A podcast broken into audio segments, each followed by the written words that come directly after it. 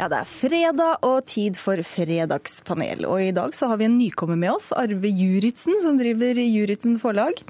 Og i panelet så sitter også Hilde Sandvik, kultur- og debattredaktør i Bergens Tidende, og Vidar Kvalshaug, litteraturanmelder i Aftenposten. Velkommen til dere alle sammen. Takk, takk. Takk. Det, vet du, jeg tenkte at det er like greit at vi bare setter i gang med første tema med en gang. Og vi skal til bokbransjen. Det passer vel bra for en del av dere. For klokka 11 natt til torsdag, nesten midt på natta altså, så lanserte Jo Nesbø sin bok 'Politi' på Tannum bokhandel i Oslo. Og vi spør er det en god idé å lansere nye bøker midt på natta? Arve Juritzen. Ja. Vidar Kvalshaug. Ja. Hilde Sandvik. Ja. Enig? Hvorfor ikke, liksom, på en måte? Ja, men ja, hvorfor ikke? Nei. Det er, det er, en veldig god idé når det er Jo Nesbø, fordi han er jo et helt eh, Rolling Stones alene. Og vi så jo på oppmøte i både bokhandel, på lanseringsfesten på Rockefeller og mediedekning for øvrig. Han kunne ha lansert bok i søvne, og det hadde stått folk utenfor leiligheten hans. Altså, det som er ganske interessant, er at dette er jo et veldig velbrukt markedsknep. Og så fungerer det så utrolig godt. Det er ganske deilig å se at det er eh, noen enkle knep, og folk står i kø. Dette er noe for deg, Arve? Dette er noe for meg. Jeg har bare all hyllest til Aschhaug, som eh, organiserte dette veldig bra, og har sikkert solgt veldig mange bøker. Men altså, vi har fremdeles et stykke å gå. for det, at den sto, altså Hvis jeg skulle ha vært forfatter, så skulle jeg vært Rowling i, i uh, Devil Wears Prada. Husker dere altså når Miranda Priestley springer rundt? Altså En del av hun her unge stakkaren som blir hunsa for, rundt for å hente, finne dette nye manuset. Der. Vi har ikke kommet dit ennå. Det, der, der, der, skal listen ligge. Ja, ok, Så vi, det er dit vi må komme, altså? Ja. Det må liksom høynes litt? Ja. Men, men dere, Nesbø har jo blitt eh, stor også i utlandet. Og kan det gjøre at andre norske krimforfattere ikke har en sjanse til å komme ut, eller er det motsatt? At de nettopp får en sjanse fordi Nesbø åpner nye dører? Han er en kjempedøråpner, og en, altså det er en motorvei som han er og åpner nå for norsk litteratur. Uh, I USA så er det jo knapt uh, bokhandler igjen, men når du går inn der og ser hvor mye plass Jo Nesbø får når han kommer med ny bok, så blir man kjempestolt. Så det er, dette er viktig for alle som driver med bøker i Norge. Ja, og så er det jo det er jo bare én Jo Nesbø per, per 20. år omtrent. Eh, fordi han er drivende dyktig, og det er klart, hadde denne boka endt opp med terningkast 1, terningkast 2, så hadde denne nattåpningen og denne festen fått en litt annen valør. ikke sant? Sånn at alt dette apparatet rundt Jo Nesbø avhenger av suksess og han sjøl avhenger av suksess. Så, så dette er, det er et skjørt verk, men det står som en påle når det først er der. Men altså, Siden dere bor i Oslo og jeg ikke gjør det, så jeg vet jo aldri helt om Jo Nesbø er en ordentlig person, eller er han sånn avatar?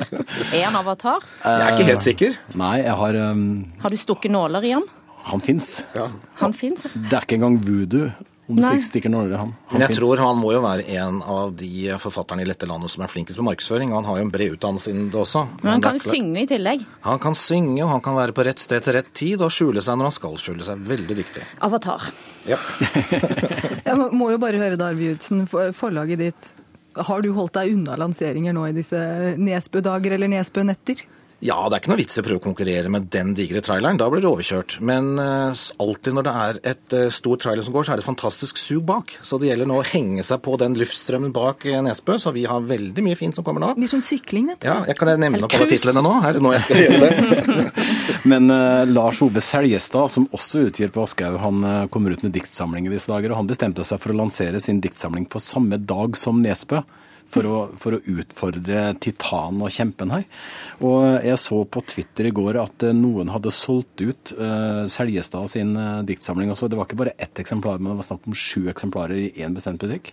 Så jeg tenker hvis Nesbø kan indirekte, uten at han helt vet det, være med å løfte norske poeter, så er dette helt strålende. Det er typisk oddinger, dette her. Ja, veldig typisk Odding. Eller var det Tromsmo-butikken, kanskje? han Nei da, dette var en nordlig butikk et sted. Fantastisk. Der ser dere. Ulsteinvik. Men da tror jeg vi tar og forlater Jo Nesbø og bokbransjen og nattlanseringer og alt, og hopper rett over til neste tema. Og da skal vi over til eh, skuespillere og hudfarge. For denne uka så gikk den eh, norsk-ugandiske skuespilleren og artisten Åsta Busingi Lydersen ut og fortalte at fargede skuespillere fremdeles opplever å få roller på bakgrunn av hudfarge. Altså hun hadde blitt oppringt og blitt spurt om å være slave. Eh, Så vi vil vite, lever film- og TV-bransjen i fortida når de plukker ut skuespillere? Ja eller nei, Hilde? Ja. Vidar? Nei. Arve? Nei. OK, da har vi to nei og litt ja og litt nei om hverandre her. Nei, altså, Hvorfor ikke, Nei, nei, dette handler ikke om hudfarve. Dette handler om at casting er jo nettopp klisjeer. Altså, Hvor mange ganger har du sett Bjørn Sundquist, en fantastisk karakterskuespiller, men hvor mange ganger har han spilt en eh, vellykket eh, forretningsadvokat fra Oslo? Aldri. Bjørn Sundquist spiller forfylla, mislykket, trøtt nordlending, og eh, spiller på alle klisjeene som man har mot nordlendinger i hver eneste film. Så dette er jo det film handler om, er å finne den rette typen til den rette rollen. Og skjønner at det er kjedelig for skuespillerne, men eh, jeg tror ikke at dette har noe med rasisme å gjøre. Vidar? Ja, helt enig. Og eh, det handler også om eh, hvis det er mennesker som er skuespillere som er veldig høye eller lave eller veldig tjukke, så får man en bestemt eh, rolle. Jeg har jo f.eks. sett Quentin Tarantino sin siste Django Unchained. Og der måtte man nødvendigvis kaste mørke mennesker til slaverollene. Og hvis det var en slaverolle her, så ja. Det måtte bare til. Men nå har jeg hørt eh, bransjen ta litt sånn selvkritikk eh, på, på det ene og det andre, og kanskje løfter vi dette kollektivt opp i alles bevissthet, sånn at det ikke blir mer enn nødvendig av det. Men Hilde, da, du hadde litt annen mening her. Ja, og det er fordi at vi er på NRK. Hadde de vært på TV 2, så hadde de svart annerledes. Fordi at NRK har, eh, mener jeg, eh, gjennom eh, programmering av programmer som Migrapolis osv., vært med på å stadfeste hvilke roller folk faktisk kan ha. TV 2, eh, der kjører de på talenter altså på en annen måte òg, fordi det er kommersielt. og har drevet fram en rekke gode forbilder, idoler, både i danse, dan, dan, dansing og synging og det ene og det andre. Og vi har altså et langt stykke vei å gå før vi har Will Smith. Will Smith. Og dette diskuterte jeg faktisk helt tilfeldigvis i går med en, en, eh, en skuespiller på Den nasjonale scene som heter, eh, som heter Suleka eh, Ali Omer, som var den første med afrikansk bakgrunn som, eh, som gikk gjennom eh, Balletthøgskolen, og som nå stiller spiller på Meet Me på DNS, eh, som, er, som handler om asylsøkere. Og der eh, spiller hun selvsagt asylsøker, sant? Eh, men hun har jo da i seg, og det har hun vist mange ganger, at hun kan gjøre fryktelig mye mer, fordi at hun er en dyktig skuespiller og dyktig danser. sant? Men fordi at en fremdeles rigger sånn i hodet at Will Smith er ikke blitt helt norsk, eh, så ser en ikke det helt klart. Altså Hvis man skal kritisere noen her, og det skal man sikkert, for det er sikkert for få roller for de som ikke er blenda hvit i huden, men da kan man jo ikke angripe casting, da må man jo angripe forfatterne. det Nei, er jo de som her. sitter og skaper personen og skaper rollen, og de kan lage en, en farget tannlege eller en farget advokat hvis de vil. Men, Men altså, må Solveig Per Gynt spesielt være hvit? Altså det er jo en sånn, Hvorfor må en det egentlig? Altså hvis du er en god altså det, Men det syns du at. Ane Dahl Torp som nigeriansk horemamma hadde vært bra? Nei, men altså, ja, hvorfor ikke? Altså, jeg, jeg, men Det handler jo faktisk om at du, du kan tro på det. Men når det er nigeriansk hormon, og det er sånn Solveig trenger jo heller egentlig strengt tatt ikke være hvit, for det er noe allmennmenneskelig, og det er Ibsen, og det er mye større enn det. Men altså, når du går spesifikt på slaveri, så er det jo noe helt annet, tenker jeg. Men du kan jo tenke videre rolleforståing, om du er altså mor Courage, eller om du er eh, altså frøken Julie, eller hva det måtte være, så er det jo ikke, det er jo ikke, det er jo ikke sånn at de skal ligne på alle de andre som har vært før. Det aller viktigste norsk film bør skjerpe seg på, er å bruke forskjellige skuespillere. Jeg er så, er så trøtt av å se de samme to skuespillerne i alle filmer. Ja. Så der støtter jeg denne kritikken totalt. Men dere, Legg ned Migrapolis. men dere, kulturministeren har jo nå også gått ut og, og bedt film- og TV-bransjen om å ta mer ansvar, sånn at man får flere roller besatt av, eh, av folk med flerkulturell bakgrunn. Men hvordan tenker du at man skal, gjennom, eller hvordan man skal gjennomføre det, Vidar? Nei, Det blir vel på samme måte som man, som man gjennomfører eh, kjønnskvotering, eller at man foretrekker et kjønn fremfor en annet hvis det er mangel. ikke sant? Så dette tror jeg man, man kan få til, men, men eh, først og fremst så må det komme via en, en felles løfta bevissthet på det. Og noen ganger så må man bare se gjennom fingrene. Nei, vi trenger en slave. Nei, kan ikke være kritthvit. Sorry.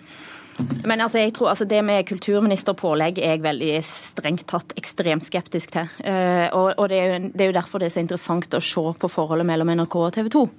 Ja, så, den, der skjønner jeg ikke. Kritiserer du nå TV 2? Nei, omvendt. Ja, ikke sant? Ja, Hurra. ja, ja, ja, jeg misforsto det. Ja. Ja, ja, altså, få se på nyhetene på TV 2. Hallo, hvem er det som leser nyhetene der? Nettopp. Kjempeflinke. Og Og når så du en Ikke, og aldri på NRK. Men dere, NRK kan ikke forsvare seg, og ikke Jo da, bare prøv deg, du. Vær så god. Vi, vi tar, vi tar og, og, legger den eh, teater- og skuespiller- og film- og TV-ballen litt sånn rolig ned nå, og så tar vi og går over til noe helt annet. Nemlig eh, rojaliteter. For i morgen så er det en stor dag i Sverige, for da skal, og det svenske kongehuset ikke minst, for da skal prinsesse Madeleine gifte seg med denne engelsk-amerikanske finansmannen Chris O'Neill. Og jeg tror jeg føler at jeg kaster ut en liten brannfakkel nå, men jeg gjør det likevel. Jeg spør, virker det lykkelige bildet som gis av brudeparet troverdig? Hilde, ja eller nei? Nei, Jeg måtte hente inn ekspertkommentator, fordi jeg strengt tatt ikke vil blande meg inn i andres kjærlighetsliv. Og eksperten min, som for øvrig sjøl ligner på en eh, europeisk prinsesse, beklager at dette er langt. Eh, min gode kollega Eir Stegan, magasinsjef i BT, mente helt tydelig nei. Dette var klart nei. Vidar? Jo da, det, de er sikkert lykkelige nok. Arve? Jeg er min egen ekspert. Som tidligere fotograf så har jeg studert disse bildene nøye. Her er det kunstig lykke. Nei. Hvorfor er det kunstig lykke? Nei, det er litt slemt. Men altså, den videoen de lagde, det må da være noe av det kleineste lykkelige paret jeg har sett i hele mitt liv. Altså, Det var så vondt å se på, hvor de skulle stå og prøve å være glad i hverandre. Eh, jeg har aldri sett noen mennesker være glad i hverandre oppføre seg så stivt. Eh, Men kanskje de bare var litt stressa? Ja, Hvis du er prinsesse og blir stressa av sånn kamera, jeg vet ikke. Nei, For meg det var veldig kunstig. Eh, og jeg har litt sånn, jeg har en gang skrevet en bok som het eh, 'Quislings to kvinner', som begynte med at jeg fant et bilde hvor det sto to damer på en terrasse og skulle se lykkelig ut. Det var sånn det var satt opp, med lys og alt. Og dette var Quislings to koner. Og en lang historie kort, så begynte jeg å researche dette her og fant ut at dette var det ultimate forsøket på å se lykkelig ut. Og isteden så var det da altså to kvinner og en dobbeltliv og mye rart. Så nei, jeg syns dette De ser ikke, de ikke behagelig ut sammen. Så det er, det er altså dette forlagsbransjen driver med, i stedet for å ordne dette med e-bøker? Altså Dere sitter og ser på prinsessevideoer fra Sverige? Absolutt. Det er mye god underholdning i triste ting. Men jeg må, jeg må bare innrømme at eh, strengt tatt så fikk jeg meg en, en advarsel som jeg tror må være sendt fra engelen sjøl. For når jeg kom inn på dette kontoret, når jeg satte satt meg ned på Minde i dag, vet du hva som lå foran meg på pulten? Som et omen, et varsel eller en sånn englevinge, så lå altså møtet en skytsengel prinsesse Märtha Louise har nok antakeligvis flydd ned denne boken til meg, sånn at jeg skulle forsvare prinsessestanden. Og så klarte de det ikke likevel, og der kommer nok antageligvis jeg til å bli straffa. Men hun, min gode ekspertkollega hun sa da altså at dette, det som avslørte, var kniset på slutten av videoen. Det var, det var, ikke noe å tro på, det, altså. Men, men, men, dette paret her, da. Hun vakker og kongelig, og han er rik og vellykka. Tror du det kommer til å bli et par som blir fulgt med argusøyne av pressen? Vidar? Sikkert. Akkurat så mye interesserer meg for det. Sikkert, sier jeg da. Hilde? ja. ja da.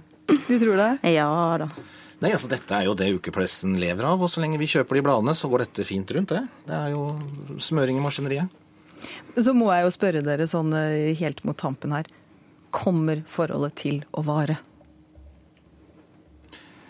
Eh, da Nå må det sette stille, Ja, jeg. nei, altså jeg kjente at den der englesaken i Bergen ble litt alvorlig. Altså Jeg har ikke noe sånn, jeg har ikke fått noe fjær, så jeg vet ikke om jeg kan uttale meg. Har du fått noe fjær, Vidar? Nei, men eh, jeg har en viss erfaring fra rojale bryllup, jeg da. Mm. Uh, og jeg kan bekrefte at det er mye mer morsomt å være der enn å se det på TV. Du har vel en fadder til og med i dette lille Ja da, ja da. Der ser du. Men, men Hilde, da varer dette forholdet? Kort, I kort, kort. couldn't care less. Nei, men La oss gjøre det statistisk, da. Hvor lenge har Maddes forhold vart? Kan vi kjøre statistikk? Nei, jeg tror ikke vi rekker å kjøre noen statistikk her. Nei, jeg. kjente veldig slemt på en fredagskveld også. Det går fint. Hurra! Vi gleder oss til i morgen.